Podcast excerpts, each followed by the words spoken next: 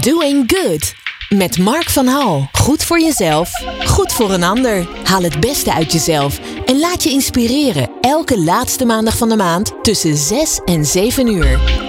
Een hele goede avond. Welkom bij Doing Good. Alweer de negentiende aflevering. Vandaag heb ik het bijzondere genoegen in gesprek te gaan met Maartje Lute en Jacqueline Bouts over hun aangrijpende en inspirerende ervaringen met de dood. Met Maartje praat ik over de impact van de dood van haar twee maanden oude zoontje Benja. Ze beschrijft dit in haar boekje of boek Benja's Present. En Jacqueline is verpleegkundige en in 2014 opende ze het eerste logeerhuis en hospice voor jongeren tussen de 16 en de 45 jaar. Xenia in Leiden. Doing Good. Met Mark van Hal. Goed voor jezelf, goed voor een ander. Haal het beste uit jezelf en laat je inspireren. Elke laatste maandag van de maand tussen 6 en 7 uur. Ja, het, uh, op zo'n maandagavond uh, dan ga je Doing Good luisteren en dan uh, zit je op Good Life Radio en dan gaat het over de dood. Nou, heel veel mensen hebben dan zoiets van, oh jee, waar gaan we heen? Maar ik beloof dat dit een hele bijzondere uitzending zal worden. onder andere met Maartje Lute. Van harte welkom. Ja, dankjewel. Ja, zou je iets voor mij voor willen lezen? Zeker. Dat heb ik net aan je gegeven, maar je kent de tekst als geen ander. Ja. Het overlijden van mijn zoon Benja heeft mijn wereld veranderd op een manier die ik nooit voor mogelijk had gehouden. Alles wat ik tot dan toe had geleerd, waar ik waarde aan hechtte, wat ik dacht dat belangrijk was, veranderde of verdween. De levenslessen die ik kreeg door zijn geboorte en vooral zijn overlijden heb ik ervaren als een geschenk. Want Benja is er gewoon nog. Weliswaar niet in fysieke vorm, maar voor mij misschien nog wel dichterbij dan hij hier op aarde ooit had kunnen zijn. Een van de meest waardevolle inzichten is dat we alleen bestaan in het nu. Het enige dat er is, is het hier en het nu. Dat is waar we onze levens leven. Niet in het verleden, niet in de toekomst. De present, dat is alles wat we hebben. Dit boek verscheen op 31 januari 2022 op Benja's verjaardag. En dit is mijn cadeau aan hem. Dankjewel. Dank je. Ik dacht, ik kan het voorlezen, maar het slaat nergens op. Als jij het voorleest, uh, is het meteen afkomstig van de schrijfster. Ja. Ja, joh. Uh, 2019, op 1 april 2018. 2018, op 1 april. Ja. Ja, dat is geen grap. Het was geen grap, nee. Dat hoopten we nog wel, maar het was niet zo. Is dit werkelijk uh, iets wat jou overkomen is? Is dan de vraag. Hè? 1 april, Pasen was het ook nog. Ja, eerste ja? paasdag. Ja. ja.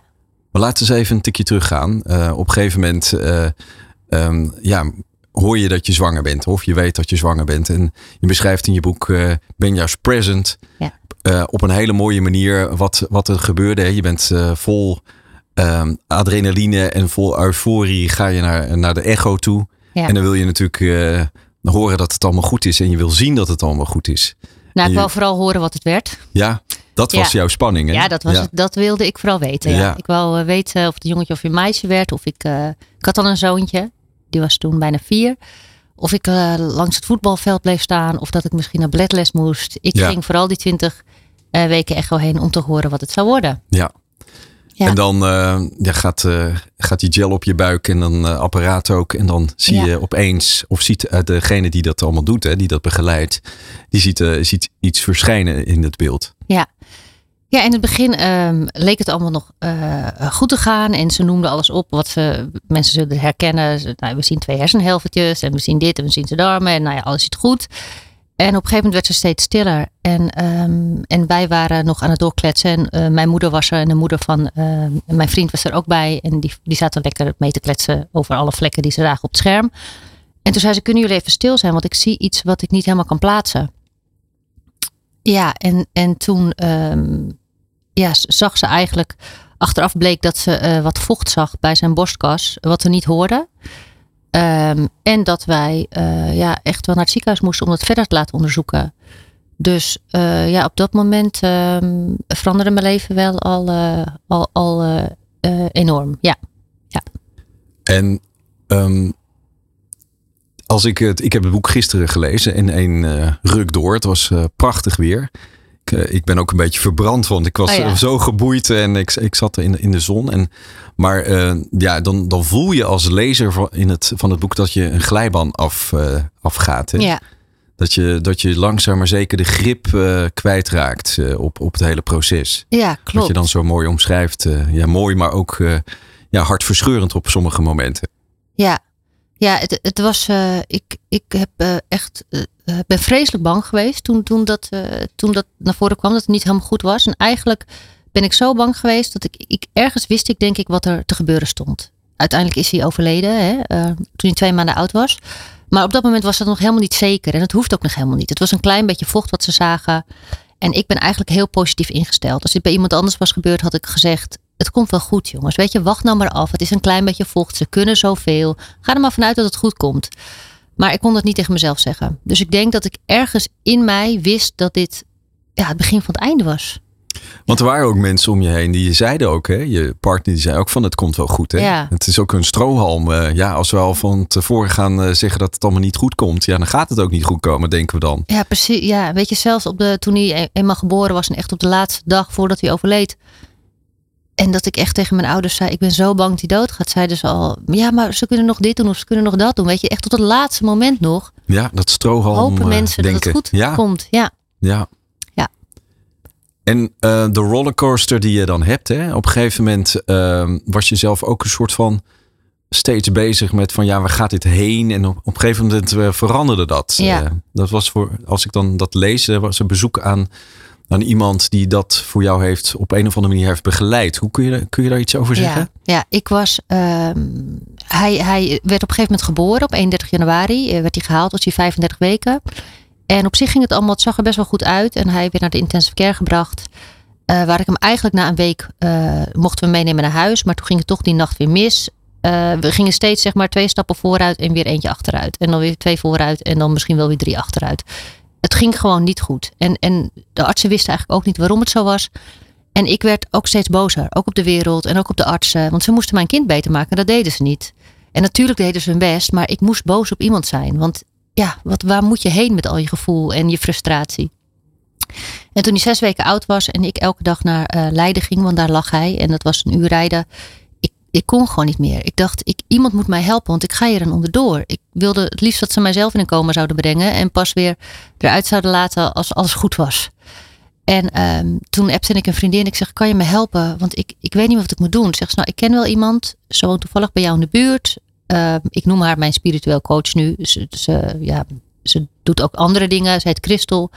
En ik ging naar haar toe zonder dat ik had opgezocht wat ze deed. Maar ik dacht, ja, zij gaat mij helpen. Ik weet het niet meer. Ik geef me over. En ik kwam bij haar. En um, een van de eerste dingen die ze tegen me zei. Ja, eerst zei ze, Maartje, waar ben je zo bang voor? Ik zeg, nou, ik ben zo vreselijk bang dat mijn kind doodgaat. Dat was voor het eerst ook dat ik het hardop uitsprak. Want, dat, want dan wordt het echt. En toen zei zij, uh, vrij snel. Maar Maartje, wat nou als het de bedoeling is dat Benja overlijdt? Ja, de bedoeling. De bedoeling. Wat nou als de bedoeling is dat hij overlijdt? En toen dacht ik, wat zeg jij nou? Ik kom hier bij jou, jij moet mij helpen. Ik geef me over. Ik leg alles bij jou in jouw handen. En jij gaat iets zeggen wat mij helemaal niet helpt. Dus ik dacht echt, hoe lang moet ik hier nog zitten? Ik wil hier weg.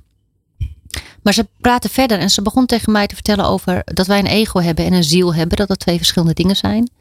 En dat jouw ego uh, geen pijn wil ervaren. Die wil niet dat de dingen niet gaan zoals jij het graag zou willen. Die wil, geen, die wil niet iemand missen. Die wil niet de, de, de, de pijn van het verlies uh, ervaren.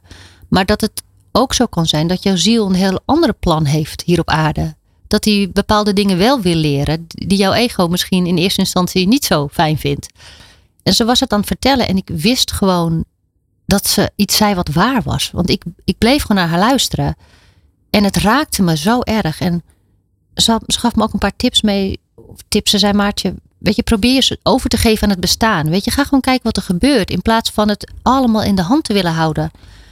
Um, en ga vragen gewoon aan, aan Benja of aan het universum of wat dan ook. Dat wat er gaat gebeuren, dat het goed is. Ook al weet jij niet wat goed is.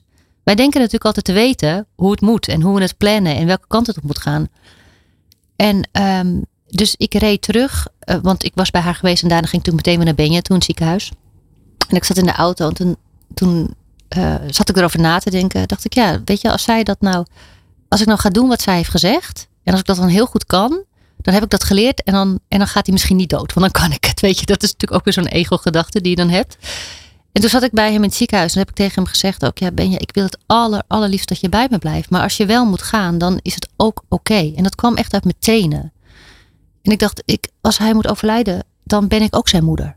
Dan gaan we dit doen. Weet je, ik, ik, daar, ik stelde me dus open voor het feit dat hij dus ook kon gaan sterven.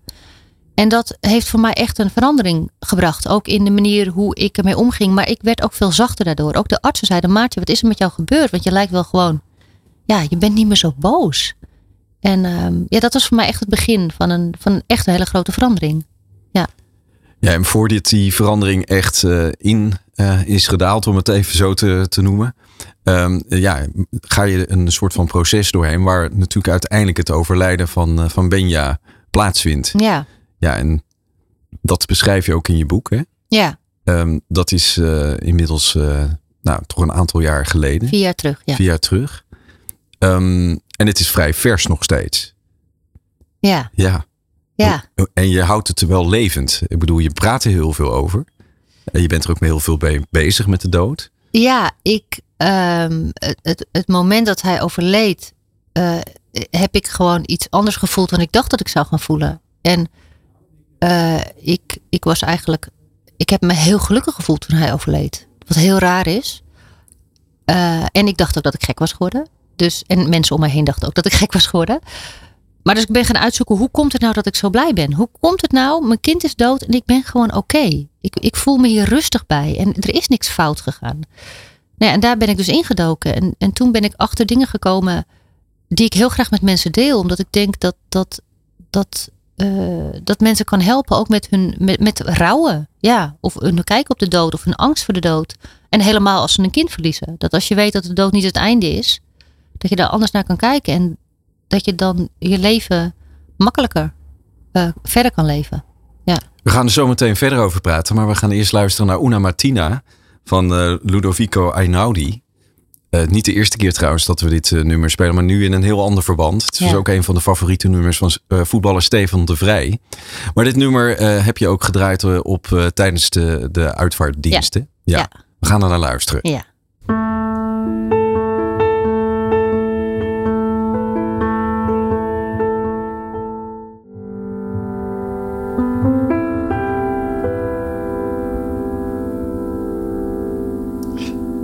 Ja, dat uh, nummer uh, van Einaudi, Una Martina, dat heb jij gedraaid tijdens de uitvaart van tijdens het afscheid van ja. je zoontje. Ja. En um, als je dit nummer nu hoort, hè, wat, wat gebeurt er dan met je? Ja, dan ben ik weer heel, helemaal terug naar dat moment. Ja, en um, dan voel ik ook echt dat ik, dat ik de moeder ben van een overleden baby. Um, ik voel dat heel vaak niet meer, omdat ik een heel andere contact met hem heb. En ook omdat het me zoveel heeft gebracht. Zoveel mooie dingen eigenlijk ook zijn overlijden. Maar ik vind het soms ook fijn om toch ook die, die pijn of die, ja, dat, dat, dat aardse gevoel van dat je je kind kwijt bent. En ja, dat ik dat toch soms nog kan voelen. Ja, want uh, nadat uh, dat allemaal gebeurd is, uh, had je ook een paar van die momenten van dat je niet heel erg verdrietig was. Of dat Ja. je je ging afvragen van hoe kan het nou dat ik gewoon geen verdriet heb nu? Ja. En dat je dit nummer dan opzet en vervolgens eigenlijk nog steeds dat verdriet niet echt voelde. Ja, Um, en nu zeg je toch van ja, ik vind het toch wel fijn ja. dat je dat stukje lijden ook wel even weer terug kan halen van dat moment. ja. Wat, is, wat is daar fijn aan? Ehm, nou, misschien omdat ik toch soms, kijk, ik weet natuurlijk dat ik vreselijk veel van hem houd, maar omdat ik zo'n andere ervaring heb gehad en er zo anders mee om ben gegaan dan ik dacht dat ik zou doen en wat eigenlijk normaal is. Ik heb dat af en toe ook gekoppeld aan dat ik niet genoeg van hem gehouden heb. Oké, okay. Omdat het, het ja, als je, als je iemand mist, dan.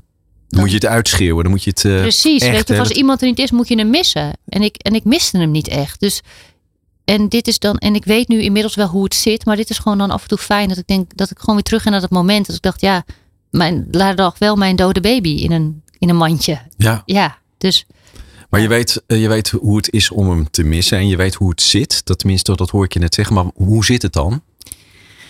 ja, hoe zit het dan? Ehm, hoe ik denk dat het zit, of wat ik zeg maar heb ervaren nadat hij overleden is, dat je dus niet weg bent als je dood bent. En dat er niks fout gaat als je doodgaat. En dat je niet uit het leven wordt gerukt. En hij is twee maanden oud geworden. En, ehm, en heel veel mensen zeiden tegen mij, weet je, veel te vroeg of zo had het niet moeten gaan. En ik heb heel erg gevoeld in het begin, wel, zo heeft het wel moeten gaan.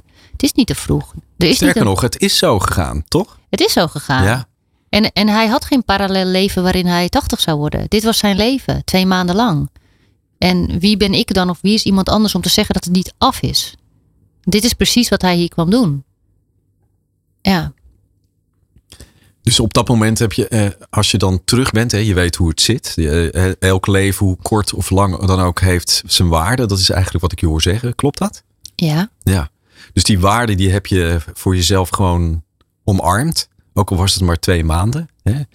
En, ehm, en wat ik wel heel bijzonder vind, hè, van op het moment dat je dan zegt van ja, ik voel eigenlijk niet zoveel verdriet. Of ik heb eh, en heb ik dan wel of niet genoeg van hem gehouden? Of houd ik nog wel goed van hem? Ja. Kun je je ook voorstellen dat eh, soms de pijn of de boosheid van mensen juist nog het enige is wat ze, waar ze echt gewoon houvast aan hebben als ze eh, iemand gewoon missen? Totaal, absoluut. Ja. ja. Dat snap ik heel goed. Waarom is dit mij overkomen? Eh, het gaat Ja. vaak niet eens over de mensen die dood zijn, maar het gaat over de mensen die het overleven natuurlijk, die zo ja, boos maar zijn. ook, ik, ik kan me ook heel goed voorstellen dat als het enige nog is wat je hebt, het verdriet is over diegene, dat je daar dan aan vasthoudt, omdat dat jouw manier is om diegene dan bij je te houden. Terwijl ik heel graag mensen leer dat er ook nog een andere manier is om, om eh, ja, diegene bij je te houden. Ja, dat, dat de liefde eigenlijk ook niet, die is ook niet weg. Die kan je ook nog steeds geven en, en ontvangen. Ja. Want sinds eh, het overlijden, eh, je hebt ook, eh, schrijf je in je boek, hè, vanaf eigenlijk ben je vanaf het moment dat het is gebeurd, ben je gelukkiger dan daarvoor. Ja. Nee, er zitten nog meer van die teksten waarvan ik denk van wat dapper dat je dat zo schrijft. Want inderdaad, heb je iets geslikt of heb je, heb je, ben, je, ben, je mentaal een beetje met shocken of zo, Ja. of zo. Dat, dat soort dingen kreeg je natuurlijk ook naar je. Dat vriendinnen zeiden van nou, Ja, of ik lieve schat, was ben je geworden. manisch of Ja. zo? Ja, Ja. ja. En nu? Hoe denken ze er nu over? Ehm, nou, inmiddels zien ze wel, weet je, als, als in het begin zeiden ze, Maarten Klap komt nog wel, nou, die moet nog steeds komen. Het zou kunnen, hè? Ik, ik, het sluit niks uit. Het kan, best, het kan best gebeuren. Maar in het begin zeiden ze ook wel, weet je, in het begin waren ze ook een beetje voorzichtig met me. Ze dachten misschien dat ik in shock was, dacht ik zelf ook. Dus het ook niet zo gek als je kind dood is. Maar dat ze ook wel zeiden, Maarten, je hoeft jezelf niet groot te houden. hè. Je mag ook verdrietig zijn. En dan zei ik ook, ja, weet je, ik, ik, als ik verdrietig wil zijn, dan doe ik dat echt wel. Weet je, toen hij nog leefde en toen ik zo bang was dat hij dood ging, was ik ook vreselijk verdrietig. Maar ja, ja mensen die ehm, trokken mij wel, eh, mijn idee of mijn gevoelens wel in twijfel. Maar ik denk dat ik mezelf eh, het meest in twijfel trok nog. Ja, want jij bent heel streng, eh, tenminste, controlefreak eh, heb ik Was gelezen. ik, was ik, hè? Ja, Ja, nu niet meer? veel minder. Veel minder. Ja, ja. ja. ja, ik heb wel door dat we echt niks in de hand hebben. Ja, Nee. Nee, dat, dat, dat kan je dan ook gewoon maar... Totale illusie, Ja, ja. dat is een totale illusie. ja. Ja. Maar je hebt, je hebt wel dingen voor jezelf op een rijtje kunnen zetten. Ja. Ehm, je hebt kunnen aangeven voor jezelf van dit is, dit is dan wat het is. Hè? Eh, het cadeau, de, de present. Maar Ja. ook eh, present is natuurlijk ook eh, andere uitleg. Hè? Gewoon het nu. ja. En dat, dat is nou jouw cadeau aan de rest van de, van de mensheid. door te, gewoon te zeggen het is hier en nu. En dood is niet zo Nou, eigenlijk. zoals we eigenlijk altijd gedacht hebben. Ik denk wat, wat echt de bottom line is. Ik wil mensen heel graag een ander perspectief op de dood geven. Ehm, ja, want ik denk als je een ander perspectief op de dood krijgt, dat je anders kunt gaan rouwen.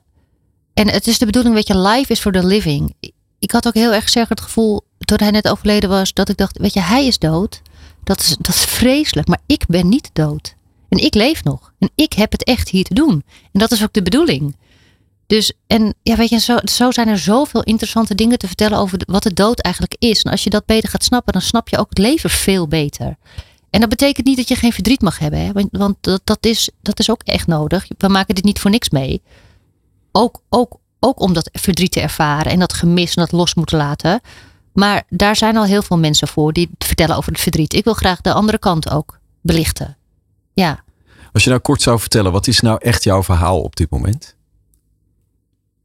Wat is Eh, jouw bedoeling?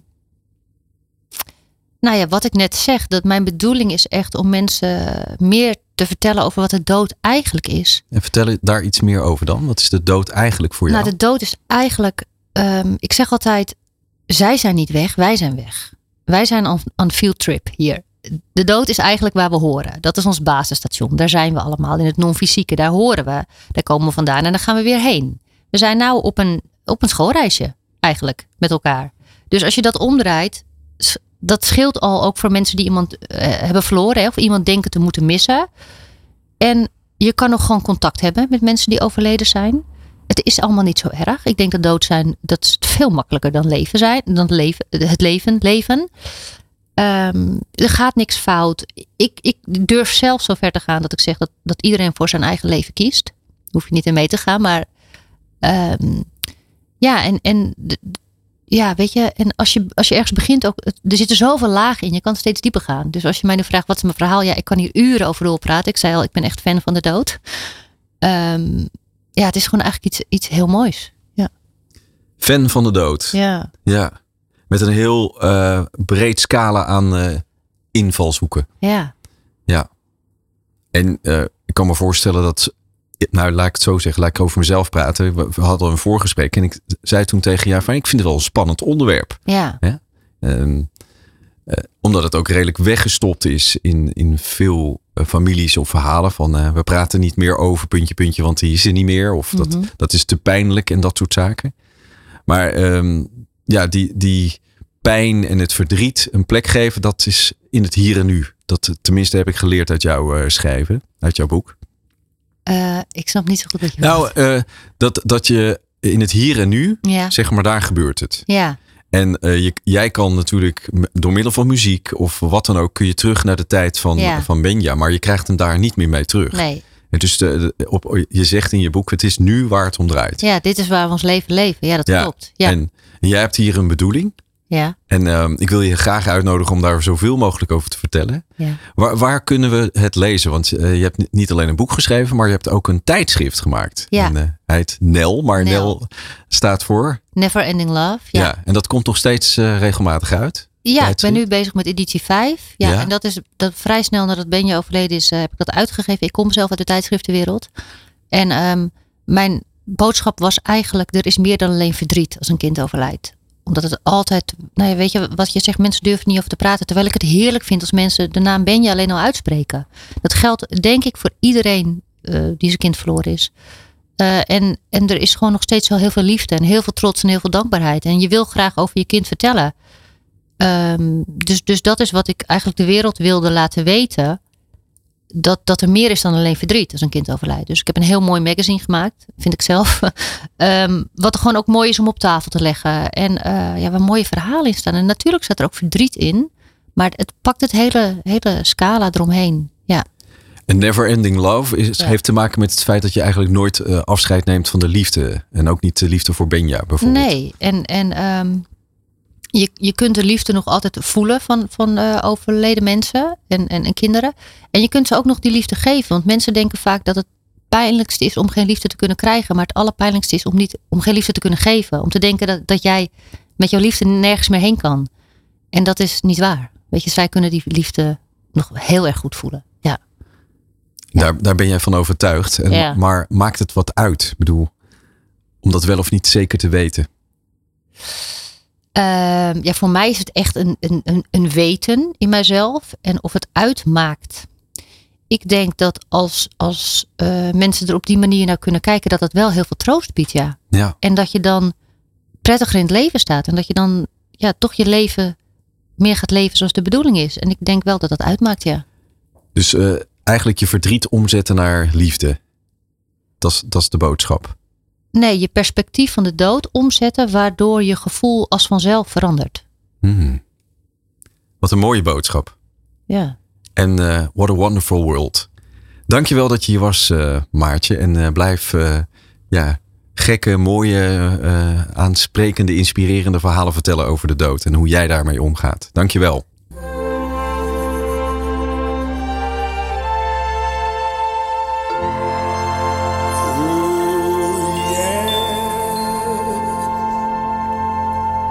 What a Wonderful World van Louis Armstrong. Het is een hele tijd geleden dat hij dit uh, lied uh, zong. En um, we hebben het vandaag over rouw op je dak. Eigenlijk uh, is, is voor mij het thema. Hè? En dan met OU. Um, en het, ja, het overkomt iedereen. Uiteindelijk heeft iedereen een moment dat er rouw in je leven komt. En dat de dood op de drempel staat of dat er overheen wordt gestapt. En... Um, Te gast heb ik ook Jacqueline Bouts. En Jacqueline heeft in 2014 dus stoute schoenen aangetrokken en heeft een hospice opgericht in Leiden. En niet zomaar één, maar een huis waar mensen ja, jongeren tussen de 16 tot en met 45, zeg maar. En waarschijnlijk is dat heel rekbaar. opgericht waar jongeren dus terecht kunnen. En het is een uh, dichtbij thuishuis. Jacqueline, van harte welkom in de studio van Doing Good, Good Life Radio. Dankjewel. Ja, hoe is het met je? Het gaat goed. Ja, ja. ja je, je, hebt een mooie tocht uh, uit Leiden gemaakt en je gaat er vanavond ook weer naartoe. Hè? Je hebt ja, vanavond dienst. Weer terug naar Leiden. Ja, ja. ja. En wat betekent zo'n dienst voor jou vanavond? De dienst is dat je bereikbaar bent en ja, binnen een half uur bij het huis kan zijn. Als er calamiteiten zijn. Of er is iemand overleden. Of, nou ja, het kunnen ook gekke dingen zijn als gewoon een lekkage of ja, wat dan ook. Dus je bent eh, oproepbaar, laat ik het zo zeggen vanavond. Ja, klopt. Ja. Je zit er nog middenin. Hè? Je hebt het niet alleen maar opgericht, maar je zit nog steeds uh, wekelijks, dagelijks uh, heb je met het huis uh, te maken. Zullen we nog even een terug in de tijd gaan? Um, je bent van oorsprong verpleegkundige. En je zei net ja. al van, tegen mij in het voorgesprek. Eens een verpleegkundige, altijd een verpleegkundige. ja. Um, wat, wat is eigenlijk de aanloop geweest naar het oprichten van het huis in 2014 voor jou? Nou, ik heb heel lang uh, gewerkt op de kinderafdeling. Kinderbeenmergtransplantatieafdeling. Dus heel veel meegemaakt. ook met de kinderen die overlijden. En um, nou, in die periode werd ik zelf uh, chronisch ziek. Dus kon ik niet meer bij de beenmergtransplantatie uh, werken. Toen ben ik op een uh, polykliniek gaan werken. En daar kwam ik heel veel in aanraking met allerlei gezinnen. En ook met jongeren die ernstig ziek waren. En ik bezocht ook die families thuis. En wat ik eigenlijk toen, wat mij opviel thuis. Kijk, in het ziekenhuis komt iedereen ja, gewoon vrolijk en kort op zo'n podiumbezoek. Dan heb je geen idee wat het zich thuis afspeelt. En zodra je in die thuissituatie stapt dan zie je hoe ouders soms, de families, ja, hoe zwaar ze het hadden, hoe zwaar de zorg voor hun kinderen. En zeker als ze dan 18 zijn, dan was er helemaal geen, geen opvang. Er waren geen huizen in Nederland. Ik ben toen gaan zoeken voor een gezin. Ik dacht, dat moet er gewoon zijn. Want er zijn 14 of 15 uh, kinderhuizen waar ze respijtzorg en terminale zorg uh, geven. Maar er was er dus geen één voor, voor, de, voor de jongeren en jongvolwassenen. En dat is de groep ook waar ik zelf ook heel graag mee werk. Dat vind ik een hele leuke leeftijd. Dus nou ja, toen kwam ik daarmee thuis. En toen zei Piet meteen, mijn partner, van waarom ga je dan niet zelf zo'n huis beginnen? En hij kwam met een, een, een pand in de binnenstad, een oude conservenfabriek. En daar stonden wij voor. En toen zei hij van ja, dit zou toch helemaal een mooi pand zijn om zoiets te beginnen. En, en wat was jouw reactie toen Piet dat zei? Ja, dan ga je erover nadenken. Kan ik dan echt zoiets doen? Ja, ik ben uh, verpleegkundige, heb daar nooit mee te maken gehad. Kan ik zelf zo'n onderneming starten? Dus toen ben ik uh, gaan praten met de coördinator van het netwerk Zuid-Holland, van de palliatieve zorg. En uh, de dag daarna dat ik haar gesproken had, toen had ik al een mail van ik ga met jou meedoen. Wauw. En zo ging het eigenlijk om ons heen. Ja, van alle kanten kregen we hulp. En dan ga je niet meer terug. Dus, uh... dus uh, Piet gaf jou een zetje. Vervolgens ben je het gaan delen. En toen uh, was het ja. een soort van zwaankleef aan. ja, ja. dat was echt zo mooi. En dat je dan ziet hoeveel mensen er binnen je eigen netwerk al ja, iets kunnen doen. Dat ging van de directeur van de Schouwburg. Die kende Jochem Meijer. En die werd ambassadeur. En de, de voorzitter van het ziekenhuis. Die, die werd nou die kwam het comité van aanbeveling, de burgemeester, eh, iedereen vanuit alle kanten. Iedereen was opeens enthousiast. maar het geeft natuurlijk eigenlijk ook wel aan dat er enorme behoefte is aan, aan dat wat je hebt opgezet. Nou ja, vooral omdat het er niet was. Hè. Nee, ja, dus heel veel jongeren, als je vraagt, uh, dan denken ze allemaal dat er in elke stad zo'n huis is. Ja. Ja, nu is het alleen nog in Leiden. Dus dat, uh, nou ja, daar zijn we vijf jaar mee bezig geweest. En in 2014 was uh, vijf jaar om het, om het uh, zeg maar te realiseren. Ja. Het kost geld natuurlijk, mensen, huis uh, enzovoort. Locatie, ja. gunningen. ja. Het is toch best wel een flinke tijd. Dan heb je ook nog wel... twee besturen. Ja, flinke volharding moeten hebben. Ja, ja, je moet wel een enorme doorzetter zijn. En ook veel mensen die zeggen, ja, dat, dat hoeft toch niet voor jongeren. Die, die blijven toch thuis bij hun ouders. Of, ja, veel mensen denken, als, als mensen jong zijn, dan, dan is de thuissituatie de beste plek. Maar ja, dat is niet altijd zo. En want bij ons komen ze ook logeren. Dus dan is het tijdelijk om de familie te ontlasten. Maar ja, je ziet ook veel jonge mensen bijvoorbeeld met... Uh, ja, als je partner een hersentumor heeft en je hebt drie kleine kinderen rondlopen. Dat is voor een partner is dat heel erg zwaar. Mhm. Want ja, je, je partner is niet alleen ernstig ziek, maar hij verandert ook nog van karakter en van. Hè, eh, Ja, dus ja, daar kan je ook niet meer samen de kinderen mee opvoeden of eh gewone gesprekken hebben over de dood. En, dus dat zijn hele zware situaties. Of soms zijn jongeren dat de ouders gescheiden zijn. En ja, ga ik dan naar vader of ga ik naar moeder? En dan zijn wij een neutrale plek waar iedereen kan komen die ze, die ze wensen op hun moment. nou gaat eh, in 2014 gaan de deuren open. Hè? Dan heb je hè, officiële opening, neem ik aan. Ja, Ja, hoe doe je dat dan? Eh, Is dat dan een groot feest? Of? Ja het was een heel groot Ja? feest. We hadden een grote tent eh, voor het huis. En eh, ja, ik heb ook altijd de doelgroep erbij eh, betrokken. Dus jonge mensen ook. eh, twee eh, ambassadeurs, eh, Sander en Martijn. Nou, die zijn beide overleden, maar ze zijn altijd nog bij me. Sander die is overleden aan botkanker en Martijn aan de ziekte van Duchenne. En zij hebben ook samen de, de opening gedaan. En eh, Martijn heeft ook gespeecht. En eh, ja, dat, dat is zo mooi. Ja, die jonge mensen zelf, waar het voor bedoeld is. Hè, dat zij ook zo betrokken zijn en zo trots waren op het huis. En, Die voelden dat waarschijnlijk ook, dat dat zo belangrijk ook voor hen eh, is Ja. geweest. Ja. Want Sander die heeft ook eh, ja, nog een aantal palliatieve chemobehandelingen bij ons in het huis gehad. En ja, dat vond hij zo geweldig dat hij niet naar het ziekenhuis hoefde. Maar dat hij gewoon kon afspreken van zo laat kom ik. En ja, bij ons is het, niemand heeft een uniform aan. Eh, Er zijn heel veel vrijwilligers. De hele sfeer is anders. Het is in de binnenstad en een hof en mooie tuinen. ja, kun je maar even een, een, een denkbeeldige rondleiding geven? Je hebt gezegd, het is in de binnenstad, eh, een mooie tuin. Je komt binnen bij Xenia. Wat, wat, eh, wat, wat zien we? Nou, wat we zien is een heel licht gebouw. Dus het is een, een, een, nou ja, vrij langgerekt, maar ondiep gebouw. Maar elke kamer heeft heel veel licht. Dus de gastenkamers zelf hebben grote ramen. eh, alle ramen kunnen ook open. Dat vind ik zelf ook heel fijn. Een grote woonkeuken hebben we beneden met een hele lange tafel. Dus als nu rond deze tijd, dan zit iedereen, eh, nou ja, de meesten zitten nu aan tafel. De verpleegkundigen, de vrijwilligers eten mee, de, de kookvrijwilliger. Eh, er is een heel groot terras bij. Er staat een prachtige grote beuk voor ons huis. Die, ja, dat is onze krachtbron. Die is nu prachtig in blad nu eh, aan het komen. Dat, ja, dat is een mooie plek. En daar is de woonkamer zo'n beetje omheen gebouwd. Rond de beuk. Dus, eh, rond de beuk. Ja, Ja, dus als je in de, in de krachtplek. woonkamer zit, dan zie je ook echt die beuk en het terras. En ze kunnen ook met bed, eh, met de rolstoelen naar buiten. Dus op het terras bij de boom zitten. We hebben zes kamers. Die hebben allemaal hun eigen nou ja, sanitair en een eigen tv.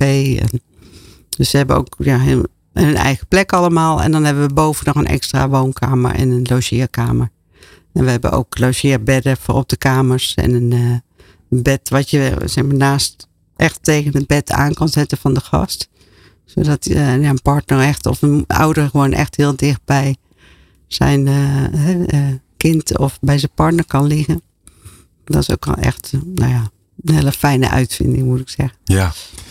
Nou, eh, begin je dit avontuur niet zomaar. Je vertelde iets over de aanleiding en, en zeg maar de verrassing voor jou dat het zo'n huis er gewoon eigenlijk nog niet was. Eh, kun je, eh, als je, als je dan daar je ziel en zaligheid aan geeft, wat, wat zit daar nog meer voor jou achter? Of wat is voor jou nog meer belangrijk als je daar rondloopt?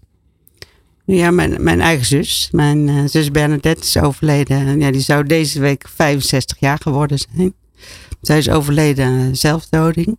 En ehm, ja, eigenlijk heb ik dat gevoeld dat ik nooit daar nou ja, mee bezig geweest ben met, met rouw en verlies van mijn eigen zus. En dat heb ik de afgelopen jaren. Nu voel ik zo dat ze zo bij me is. En ik weet vroeger dat ze ook altijd zei dat ze zo trots was dat ik in de zorg ging werken. En dat, dat is iets wat ze zelf ook heel graag wilde. En ehm, soms hebben we ook eh, gasten met, van, eh, vanuit de psychiatrie of met psychiatrische aandoeningen. En dan, dan voel ik zo Bernadette. En denk, ja, dan, dan voel je zo extra inspiratie om, om het huis, om het, om het fijn en goed te maken voor iedereen. En Want waar ben je opgegroeid? ik ben opgegroeid in eh, Roermond, in Midden-Limburg, als jongste van een groot gezin. Ja. En, en Bernadette was daar onderdeel van. Ja, van Bernadette was de tweede. Dus zij was zeven jaar ouder dan ik.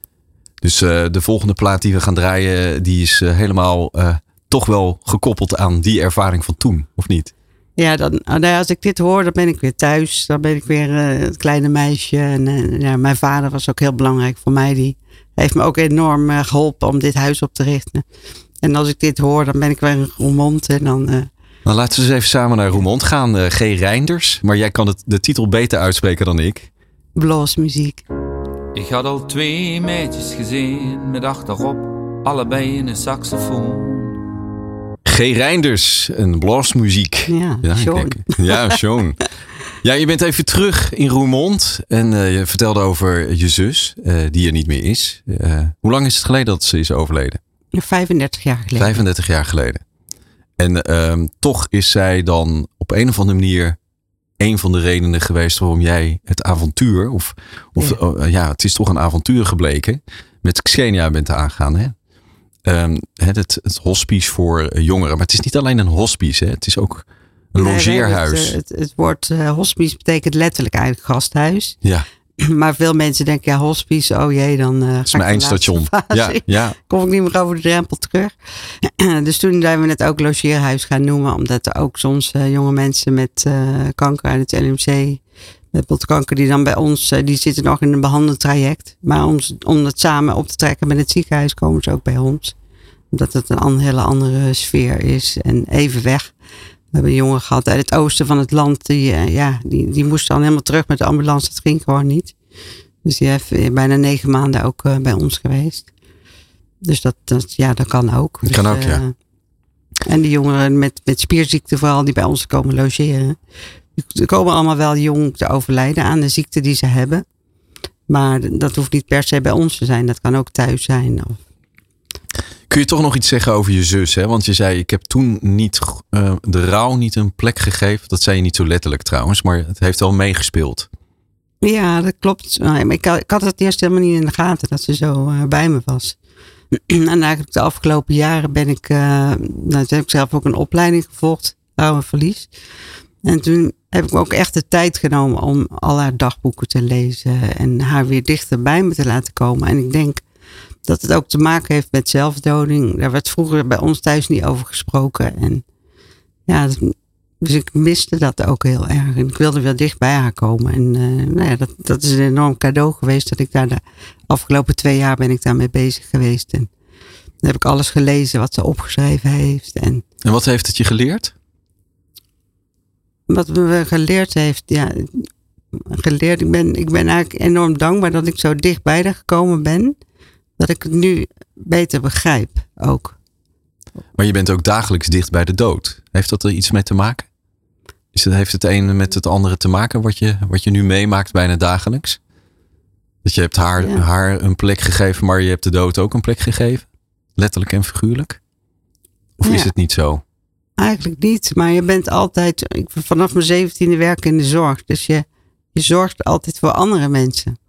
En je vergeet wel eens voor jezelf te zorgen. En nou ja, dat, daar is het nu wel tijd voor gekomen om dat wel te doen. Want ik denk dat je dan nog beter voor de ander kan zorgen. Door goed ook naar jezelf te kijken van wat is mijn rouw en verlies. En ja, zoals met mijn vader had ik ook een hele ja, hechte band. En ik ben ook echt het moment van overlijden bij hem geweest. En dat was zo mooi. Dat ik dat zo voelde, dat ik zo dichtbij hem was. En ik voelde die laatste adem ook echt komen. En ja, dat, dat is nou ja, dat zijn van die grote cadeaus in je leven. En. Wat ook heel troostend is en eh, heel fijn. En het was nu de afgelopen periode ben ik dan met mijn zus bezig geweest. Dat heb ik samen met mijn dochter gedaan. Want je ziet rouw gaat generaties door. En zij was ook degene die altijd vroeg naar Bernadette. Van, ja, een tante die zij nooit gekend heeft. En hoe mooi is het dan dat je dan ook met haar uh, uh, op onderzoek kan. Uh, we hebben interviews gedaan. We hebben psychiatrische klinieken bezocht waar ze geweest is. Zijn naar Lourdes geweest samen, omdat ze genoemd was naar Bernadette van Lourdes. Ja. Dat mijn ouders daar ooit zijn gaan bidden om kinderen te krijgen. En toen kregen ze er zes en acht jaar tijd. Oh, dat, de, uw Dus, uh, wens is vervuld, uh, krijg Ja. je dan te horen. Ja, ja. hoe mooi als je, als je dan daar staat en dat je denkt van ja, ik had ik helemaal niet geboren mogen worden omdat ik nummer zes ben. En na vijf eh, zei de huisarts van eh, vanwege de hoogbloeddruk is beter dat je geen kinderen meer krijgt tegen mijn moeder. En dat ze toen, toen zei van ja, maar ik ben in Lourdes geweest en eh, dus nou ja, vandaar dat ik hier zit nu. ja, nou, en als je dan daar staat Lourdes je er met je zit. dochter, dat je denkt wow. Ja. Ja. Nou, en, je, en je zit eh, hier namens eh, Xenia Leiden. Hè? Dus niet alleen maar eh, vanwege jezelf, maar ook vanwege het enorm mooie team wat je om je heen hebt opgebouwd Ja. inmiddels. Hè? Echt Want eh, fantastisch. je hebt het, je het zesde kind, je bent eh, een eh, cadeautje. Iedereen is eh, het cadeautje dan. Je, je hebt het leven en je hebt het uitgepakt. En eh, nu ben je eh, al een tijd bezig met, eh, met, met Xenia. En je hebt ontzettend veel mensen een mooie plek gegeven met fantastische vrijwilligers. En jullie Ja. hebben ook afgelopen week geloof ik een award gekregen tijdens een symposium. Dat jullie zo ja, waardevol werk doen. Ja, dat we ook aandacht juist voor die 18-plus groep. Hè? Want het gaat altijd over kinderen tot 18 jaar. Maar bij 18 houdt het niet op. Hè? 18 is een feest, maar 18 moet ook ehm, nou ja, goede zorg nog eh, gegeven blijven. En nou ja, wat ik zo mooi vind aan Xenia, dat je, de- of het nou de zorgprofessionals zijn of de, de vrijwilligers zijn, allemaal mensen die echt eh, met passie werken. We hebben zo'n mooi team aan eh, mensen die dat gevoel ook overbrengen als je in huis bent. En, en je hoort dat terug van de gasten en hun familie. En ja, Het gaat niet vanzelf natuurlijk. Hè? Van in de zin van je moet eh, ruimte blijven vragen, ondersteuning blijven vragen. Ook donaties zijn ook eh, van harte welkom. ja nog steeds. Ja. En, eh, maar hoe hou jij het vuur laaiend bij jezelf? Of hoe, is daar niet zoveel voor nodig? nee, dan moet Nou, je ik zie gewoon bij Xenia jou- komen. Ja, precies. Ik zie je glimlach. Je denkt van, Dat is echt zo'n mooi huis. En wat we kunnen doen voor de gasten. En heel veel mensen zeggen, is dat niet verdrietig om dat te werken? Dus zou ik zeggen, kom kijken. Want het is zo'n fijn huis. En als je ziet hoe de gasten het ervaren en hun naasten, hoe het voor hun is. Want die vinden we even belangrijk. Het is gewoon heel fijn dat we dit kunnen geven. ah, en dit, deze plek kunnen bieden en kunnen delen met heel veel mensen. en verdriet mag er natuurlijk ook zijn, hè? Of niet? Ja, zeker. Ja. En hoe ga jij daarmee om? Ja. Want, eh, ik bedoel, ik kan me voorstellen dat heel veel mensen langskomen. Daar ga je ook van houden. Hè? Ja. En die, die, die gaan ook weer eh, ofwel weer naar huis ofwel eh, gaan ze eh, dood. Hè? Dat zit er ook. Eh, ja, dat is ook wel wat er gebeurt. Hoe ga jij daarmee om dan? Nou ja, ik ben wel een enorme ge- gevoelsmens. Dus ik, heb, daar- ik kan daar wel regelmatig ook, ja, dat ik zelf ook eh, verdrietig ben. Maar je kan, doordat het geeft zoveel troost dat je dit huis kan bieden, dat je daar ook weer mee om kan gaan. Het is niet, eh, en ook wel dat je kan realiseren, het is, ja, het is niet mijn kind of niet mijn, nee, maar je gaat wel echt van mensen houden en dat mag ook. En er zijn ook nog gasten waar ik nog gewoon contact mee heb die al overleden zijn. Of onze ambassadeur Martijn, eh, eh, ja, die zit zo in mijn hart. En heel vaak dan roep ik hem als ik, hem hulp, als ik hulp nodig heb. Dan zeg ik, eh, Martijn, help eens even. Ja, En dat voelt ook dus zo, dat hij, dat ja, hij bij dat je voelt is. het ook zo, Ja. dat, hij, dat hij in de buurt is. Dat hij in de buurt blijft. En ja, dat is mooi. Bestaat dood voor jou? Dood bestaat wel voor mij, ja. Ja. Het is, eh, voor mij is het als iemand dood is dat hij eh, naar een andere plek verhuist. Dus eh, diegene is er nog wel, maar je verhuist naar een andere plek. Dus meer van de aarde naar je hart. Ja. Wauw. Even, ja, het, het is mooi hoe je dat zegt, van de aarde naar je hart. Want dat, dat is het proces waar het om gaat. Mensen verdwijnen nooit meer uit jouw hart. Alle mensen waar je van ik ken ze hebt. allemaal nog. Ja, Vanaf je 2000. vergeet ze niet. Ik alle, alle En dat hart is, eh, is, is de liefde die je nog steeds eh, voor die persoon eh, voelt. Ja, prachtig. Nou is in Leiden is het huis al een tijdje, maar er staan nog meer huizen op stapel. Of in ieder geval één, heb ik begrepen. Of, of meerdere. Ja, meerdere. Nog Ja, twee. Nog twee. geval. Ja. En waar komen ze? In Zwolle zijn we aan het zoeken naar een locatie. Ja, En in Tilburg. Tilburg. En in Roermond? Ja, nee. Nee? Nee, niet in Remond. Nee. Nee. ik denk dat daar de, de het is te ver, Te eh, weg. Limburg in om, eh, ja, Ja. het, wij- het is maar een kleine doelgroep Wat heb je er nog voor nodig ervoor zijn. om, eh, om dat te realiseren? Of is dat, zijn het gewoon de twee plekken die, eh, die vaststaan? Die komen ook echt eh, in Tilburg ja, die gaat Zwolle? ook echt komen, ja. Ja, en, en als we een locatie hebben, ja, dan hebben we ook heel veel donaties natuurlijk nodig, eh, fondsen werven. Dus dat, eh, Kunnen ze zich allemaal bij jou, eh, bij jou melden of bij jullie melden in, in Leiden? ja, maar ja, we willen eerst een mooie plek vinden. Dat is het allerbelangrijkste. Dat zien we in Leiden ook hoe belangrijk dat is. Dat je in, een- in een fijne omgeving zit waar jonge mensen zich prettig voelen. Ja. Als uh, mensen naar Xenia gaan in Leiden, dan uh, krijgen ze een plek waar ze zich weer thuis kunnen voelen. Of waar ze in ieder geval op een hele mooie manier een omgeving krijgen. Ze krijgen een plek, maar ook in hun hart krijg jij ook een plek. En, en ook alle mooie mensen die met je samenwerken. En daar wil ik je enorm voor bedanken. Sowieso dat je het verhaal hier bij ons vertelt. En um, ik wens je ontzettend veel succes.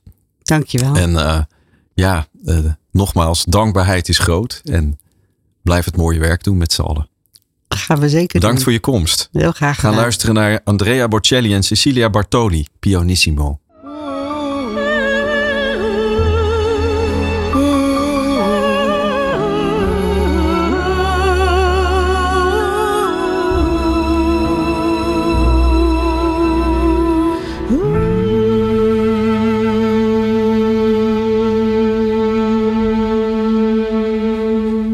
Ja, prachtig nummer. En uh, ja, het is echt een voorrecht om hier achter de microfoon te mogen zitten en gasten te ontvangen zoals uh, Maartje Lute en Jacqueline Bouts. We hebben vandaag gesproken over de dood. En de dood is onlosmakelijk verbonden met het leven. En als je in de dood blijft hangen in het verdriet, dan vergeet je misschien soms te leven. En ehm, dat is ook prima. Alles is prima. Maar ik heb vandaag weer iets geleerd. Namelijk dat doodgaan is er. Dat kan, dat kan niet anders. Maar het is, uh, gaat over de aarde verlaten, maar het hart gaat nooit, uh, daar gaat de, de liefde nooit weg die je hebt voor iemand anders. Dank jullie wel, lieve dames, lieve Maartje en lieve Jacqueline, dat, je, dat jullie dit met me wilden delen. Ik ga ervan stotteren. En ik wens jullie ontzettend veel geluk en blijf je verhaal vertellen. Blijf jullie mooie dingen doen. Dit was Doing Good. Tot de volgende keer. Doing Good. Met Mark van Hal. Goed voor jezelf, goed voor een ander. Haal het beste uit jezelf en laat je inspireren. Elke laatste maandag van de maand tussen 6 en 7 uur.